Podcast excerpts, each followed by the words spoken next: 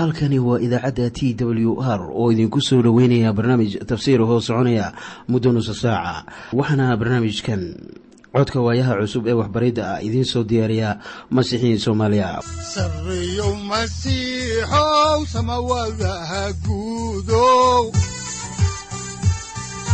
Siraadkii adduunkow subanaha eebow sareyow masiixow samawadaha guudow siraadkii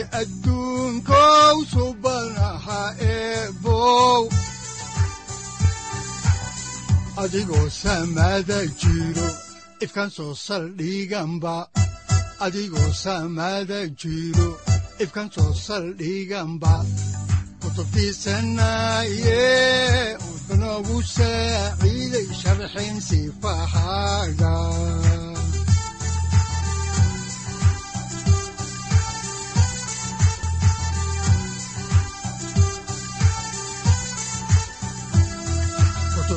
kutubtiisinayo ebnagu saaciid sharxin sifahaaga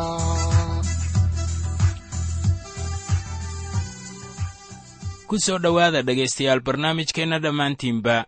Waxaan horay u sii ambaqaadi doonnaa daraasaadkii la magac baxay baibalka dhammaantii.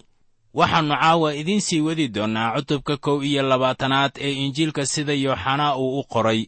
Mawduucyada uu ka kooban yahay waxa ay kala yihiin gunaanad ammaanistii ciise iyo wacdiga hawsha aynu masiixa u qabanayno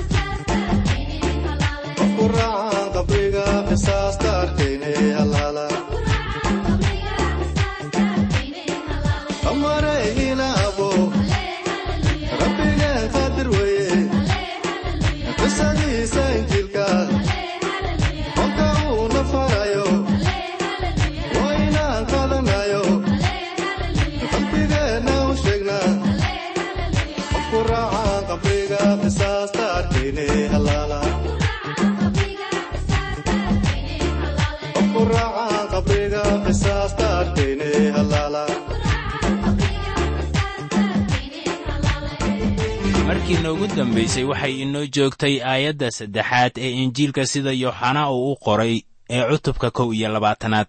Waxaan aragnay ka hor intaannu ciise u muuqan inay doonni wada raaceen oo ay yimaadeen xeebta iyagoo habeenkaasi aan waxba qaban. Baddan yar ee galilii waxaa lagu xidhay hawsha sayidkeenna ka hor iyo kadib intaannu saro kicin. Waa meel caan u ahayd meesha nimanka xerta ah. Wuxuu weyddiisanayaa inay aadaan galilii oo uu halkaasi kula kulmi doono. Halkaas ayayna aadeen oo wayna sugayaan. Waxaa halkaas jooga horma dad ah oo yaab badan. Waxaan markaasi jeclaan lahayn inaan ugu yeerno kuwan niman dhib badan. Waxaana ay kala ahaayeen simon butros oo ahaa mid jadbaysan laakiin haddana ma gudbo ah niyad furan aan socon karin. Welibana wuxuu ahaa mid fudud oo aan degganayn haddana kalgacayl badan. Waxaa hormadan ka mid ahaa toomas oo ahaa nin aan sahal wax ku rumaysan oo mar waliba su'aal qaba iyo natani'el oo lagu yaqaanno xifaalo oo welibana shakiyaysnaa bilowgii. Waxaa kaloo ka mid ahaa jameecadan labadii wiil ee onkodka waa yacquub iyo yooxanaa iyo laba kale oo aan la sheegin. Maadaama hormadan ay ahaayeen kuwa aan shiddo yarayn ayay dhammaantood matalayaan ama u taagan yihiin kuweenna maanta nool.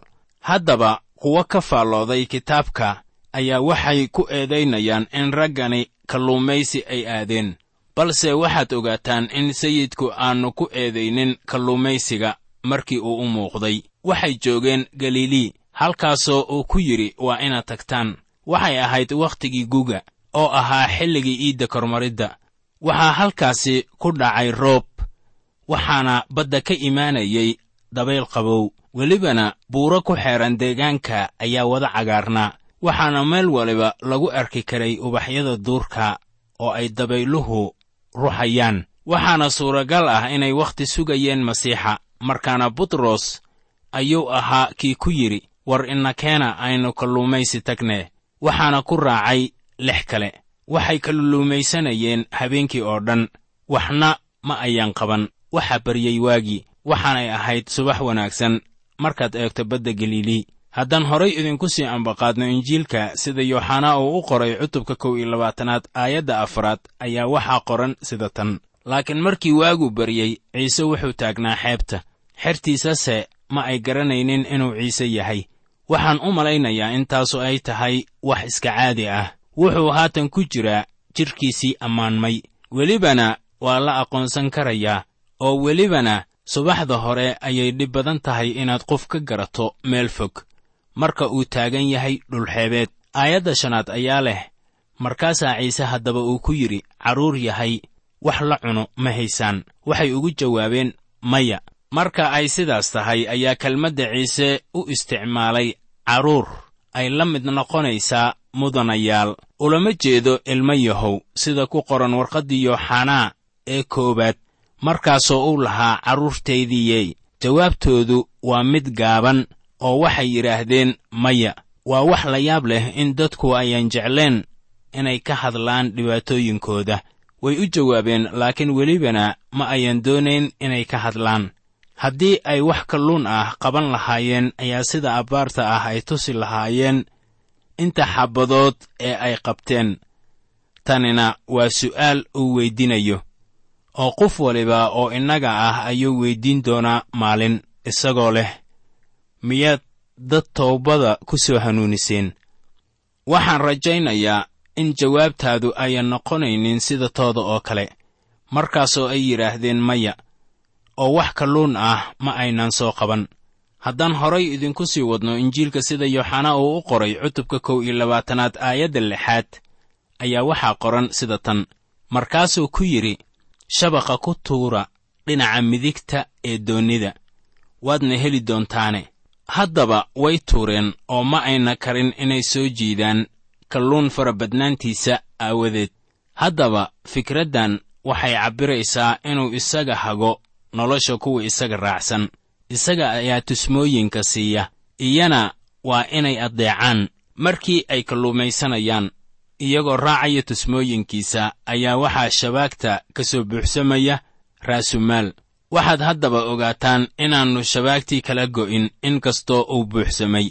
Haddaan horay idinku sii wadno injiilkan sida yooxanaa oo u qoray ayaannu fiirinaynaa cutubka kow iyo labaatanaad aayadda toddobaad waxaa qoran sida tan. Kii xerta ahaa oo ciise jeclaa ayaa ku yidhi butros waa sayidkii. Haddaba markuu simoon butros maqlay inuu sayidka yahay ayuu dharkiisa guntaday waayo wuu qaawanaa oo wuxuu isku tuuray badda. Yooxanaa wuxuu lahaa ruuxa garashada kaasoo aannu butros lahayn. Saddex sannadood ka hor ayaa sida abbaarta ahaa ciise uu uga yeedhay simoon iyo raggii kale meeshan waxay haatan ku laabteen kalluumaysigoodii oo sayidka ayaa iyaga kol dambeeto u yeedhay si dadka toobada ay ugu soo leexiyaan. Butros ma lahayn garashada yooxanaa laakiin miyaad garanaysaa inuu mar waliba ciise ku dhowaa. Ragga kale waxay iska fadhiisteen doonta gudaheeda oo waxay sugayeen ilaa ay xeebta ka soo gaaraan. Laakiin simon butros maba sugi karin wuxuu doonayey inuu u soo dhowaado sayidka. Waxaan idiin sheegayaa in simon butros uu ahaa nin cajiib ah. Haddaan horay idinku sii wadno injiilka sida yooxanaa uu u qoray cutubka kow iyo labaatanaad ayaannu eegaynaa aayadaha siddeed ilaa kow iyo toban. Waxaa qoran sida tan. Laakiin xertii kale waxay ku yimaadeen sixiimadda yar waayo kama ay fogeen dhulka. Laakiin waxay u jireen qiyaastii laba boqol oo dhudhun waxayna jiidayeen shabaggii kalluunka haddaba markay dhulkii u soo degeen waxay arkeen dab dhuxul ah iyo kalluun saaran iyo kibis. Markaasaa ciise ku yidhi iyagii keena qaar kalluunkaad hadda soo qabateen.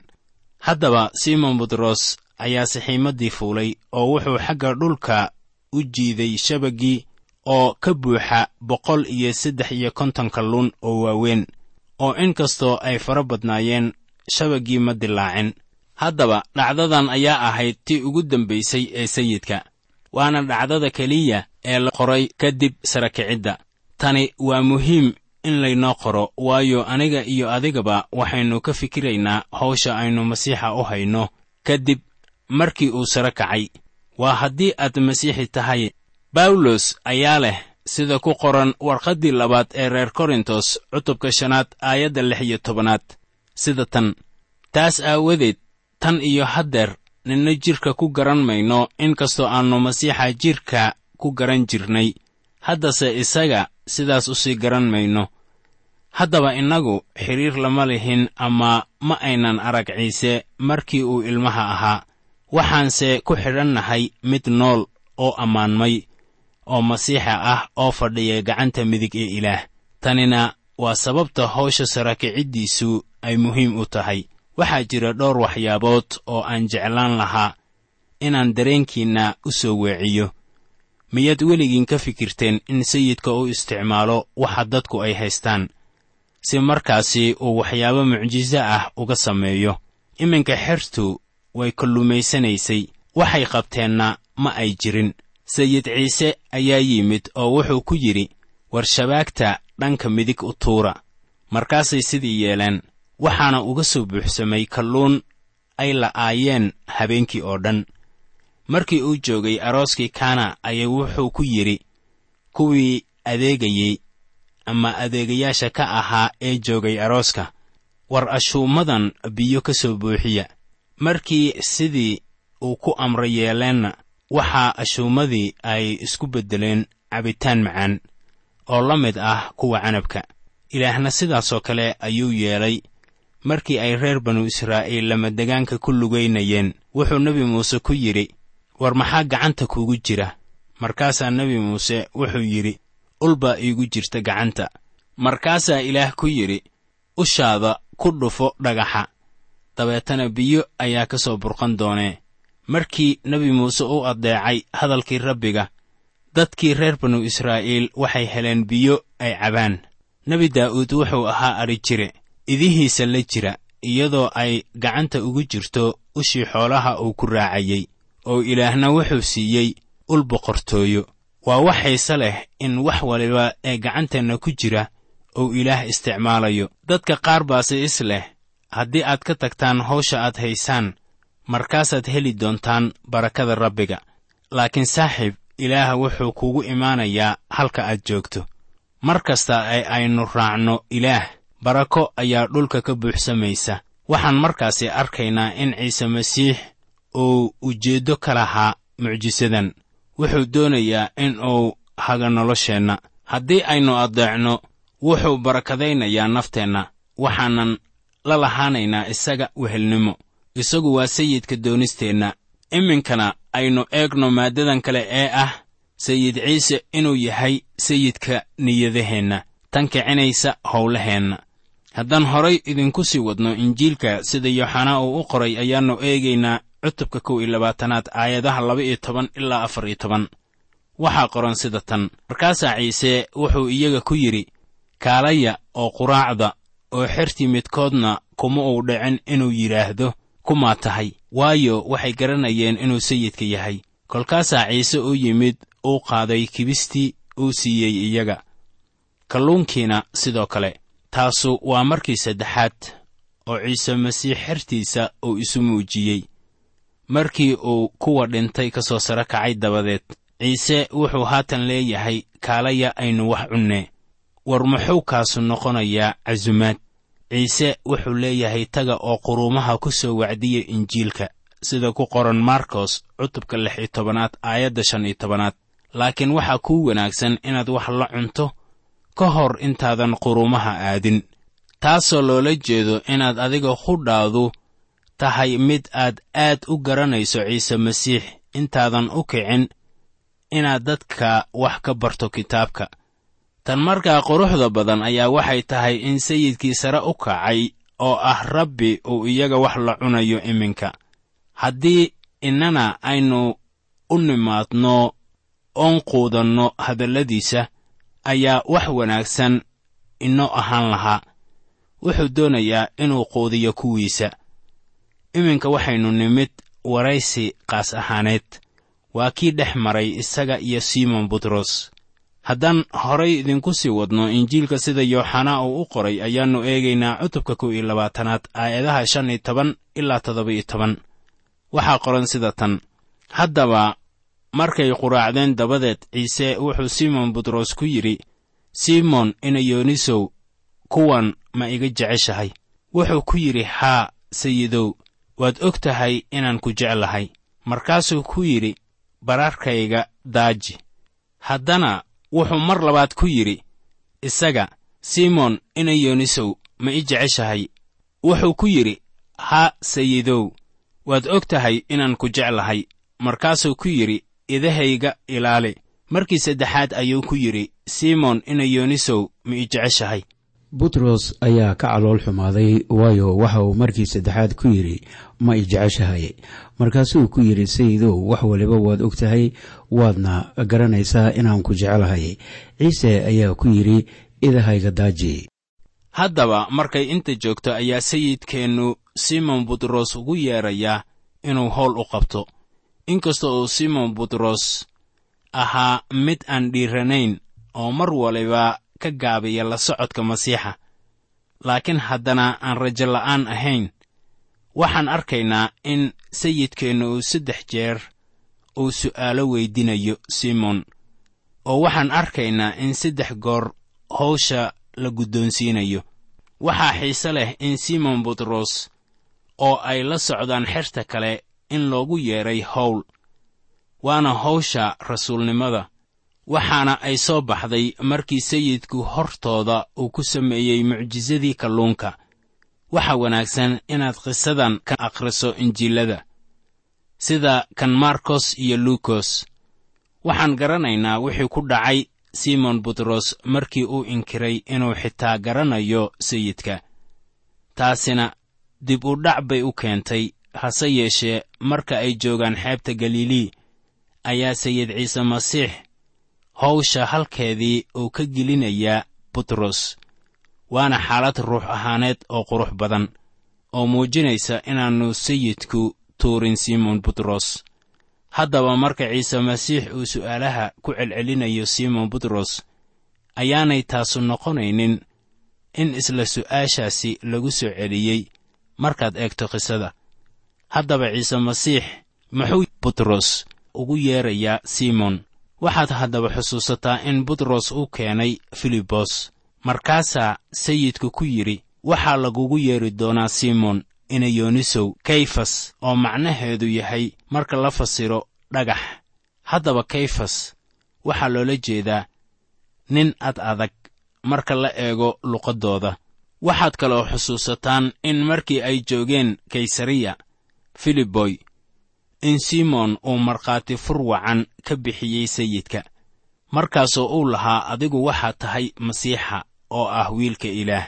Waxay ku qoran tahay sida yooxanaa uu u qoray injiilka cutubka lixaad aayadda lixdan iyo sagaalaad. Markaasaa sayidkuna uu ku yidhi isagoo taasi ka jawaabaya waad barakadaysan tahay simonow marka uu sidaas leeyahay wuxuu ku noqday magaciisii hore ee ahaa simon waxaana lagugu yeedhi doonaa butros waayo waxaad noqotay nin ad adag wixii intaa ka dambeeya. Waxaad noqonaysaa nin taagan oo aan dhicin.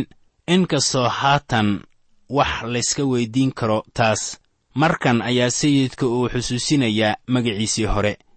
Haddaba ereyga jacayl markaad eegto luqadda griiga wuxuu ka kooban yahay saddex eray oo kala goonni ah.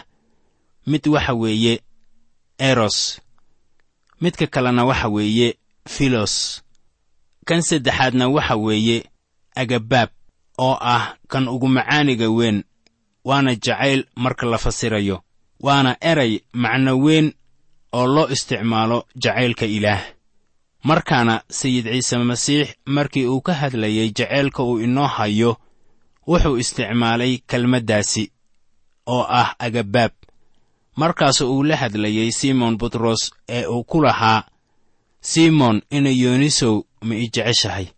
Haddii lay weyddiin lahaa keebaa weyn jaceylka iyo rumaysadka waxaan odhan lahaa rumaysadka. Laakiin qorniinku si kale ayuu taasi kaga jawaabayaa marka uu leeyahay sida ku qoran warqaddii koowaad ee korintos cutubka saddex iyo tobanaad aayadda saddex iyo tobanaad oo leh waxa waara waa saddexdan rumaysad iyo rajo iyo jacayl laakiin kuwan waxaa ugu wada weyn jacayl. Waxaanse idiin sheegayaa inaan rumaysad u horumariyo inay keentay. Markii aan ogaaday in kalsooni la lahaado ayaa ka weyn in wax la jeclaado kuwo waxaa jira dhallaan rogay jacaylka iyagoo da'weyn bay jeclaanayaan gabar yar. Markii lacagta ama xooggu uu ka dhammaado iyaga ayaa gabadhu ay ka tegaysaa waxaas oo kale jacayl lama yidhaahdo mana ahan kan halkan looga hadlayo oo macnihiisu uu yahay agabaab. Haddaba simon butros wuu gabay sayidka. Sayidkuna kalsoonidiisii wuuba ka qaatay. Laakiin wuu jeclaa jaceylkaas ayaase ahaa agabaab. Waxaa yooxanaa uu leeyahay sida ku qoran injiilkan cutubka shan iyo tobanaad aayadda saddex iyo tobanaad sida tan ninna ma leh jacayl kan ka weyn inuu nin naftiisa u bixiyo saaxiibbadiis haddaba marka butros uu dafirayey masiixa ayaa masiixuna uu ku sii jeedaa iskutallaabta inuu isaga uu dhinto aawadeed.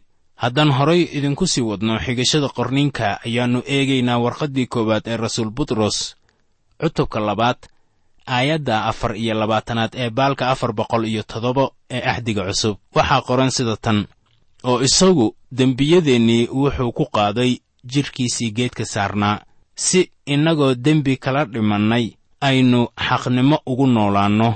Waxaad ku bogsateen xariijimihii karbaashiddiisii waxaad markaasi hadda ogaataa su'aashii masiixu butros uu weydinayey markuu lahaa. Butrosow ma iga jeceshahay kuwan. Wixii masiixu uu lahaa ayaa loo fasiran karaa sidan. Miyaad i jeceshahay in ka badan inta kuwanu ay i jecel yihiin? Waxaad markaasi ogaataa wixii sayidku uu ku booriyey. Wuxuuna ku yidhi idahayga daaji. Wuxuuna kelimaddaasi ku soo celceliyey saddex goor. Ilaa butros uu calool xumaaday. Waxaad mooddaa in simon butros aannu diyaar u ahayn inuu horay u socdo waxayse la noqotay tan ugu wanaagsan ee uu samaynayo inay tahay inuu ku yidhaahdo sayidow waan ku jeclahay.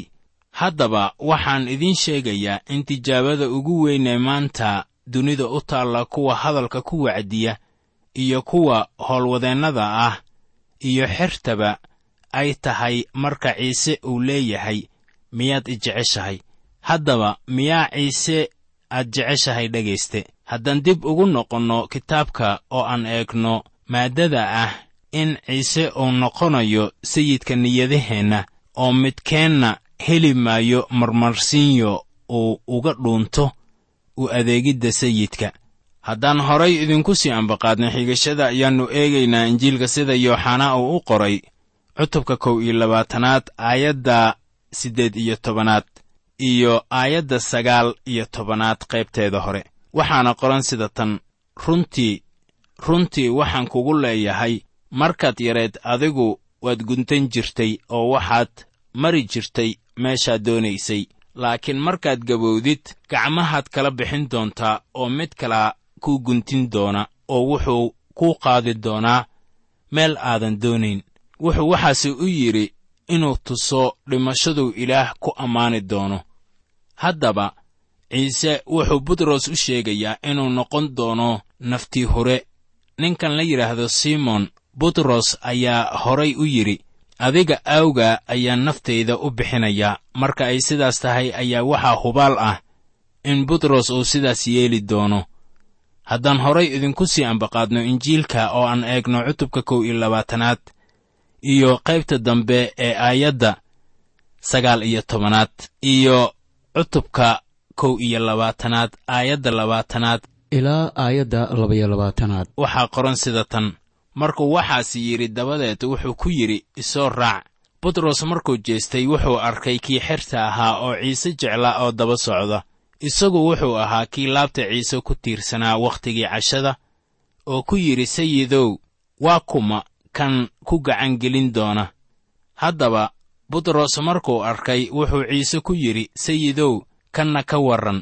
Ciise wuxuu ku yidhi haddaan doonayo inuu joogo ilaa aan imaanayo maxaa kaa galay? Adigu isoo raac. Wuxuu markaasi leeyahay yooxanaa anigu waxaan doonayaa inaan ogaado waxa yooxanaa uu samayn doono.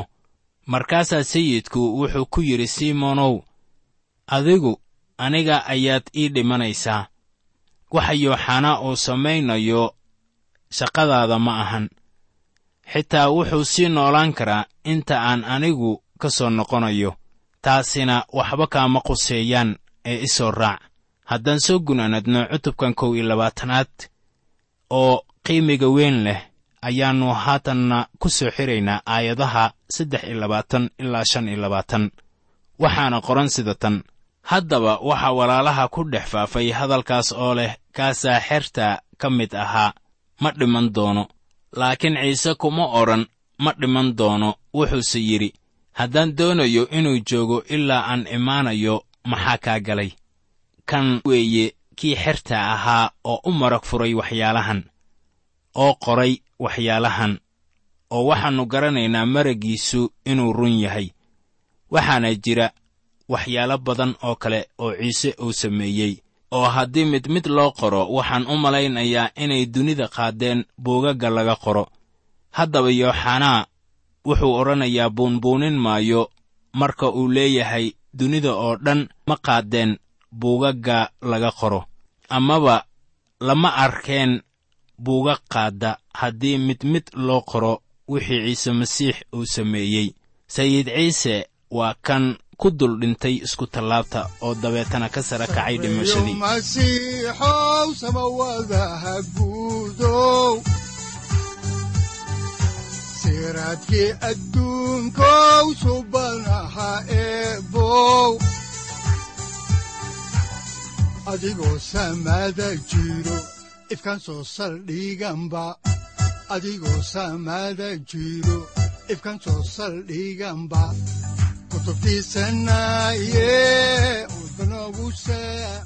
halkani waa t w r idaacadda t w r oo idinku leh ilaa ha idin barakeeyo oo ha idinku anfaco wixii aad caawi ka maqasheen barnaamijka.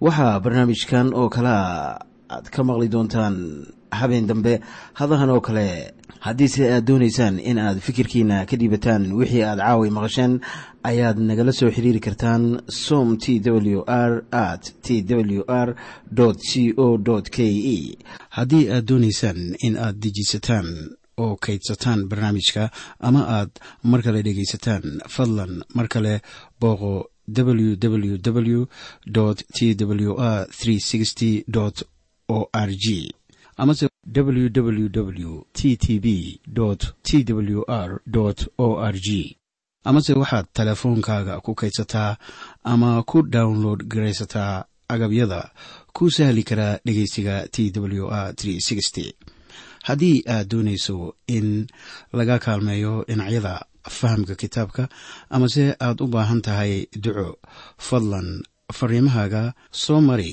bogga aaraahda ama kommentska inana jawaab degdeg ah ayaanu ku soo diri doonaa amase ku siin doonaaye sareyow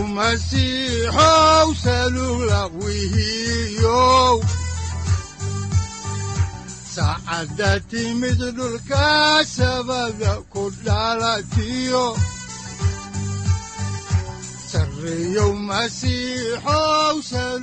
halkani waa t w r oo idiin rajaynaya habeen baraare iyo barwaaqaba leh.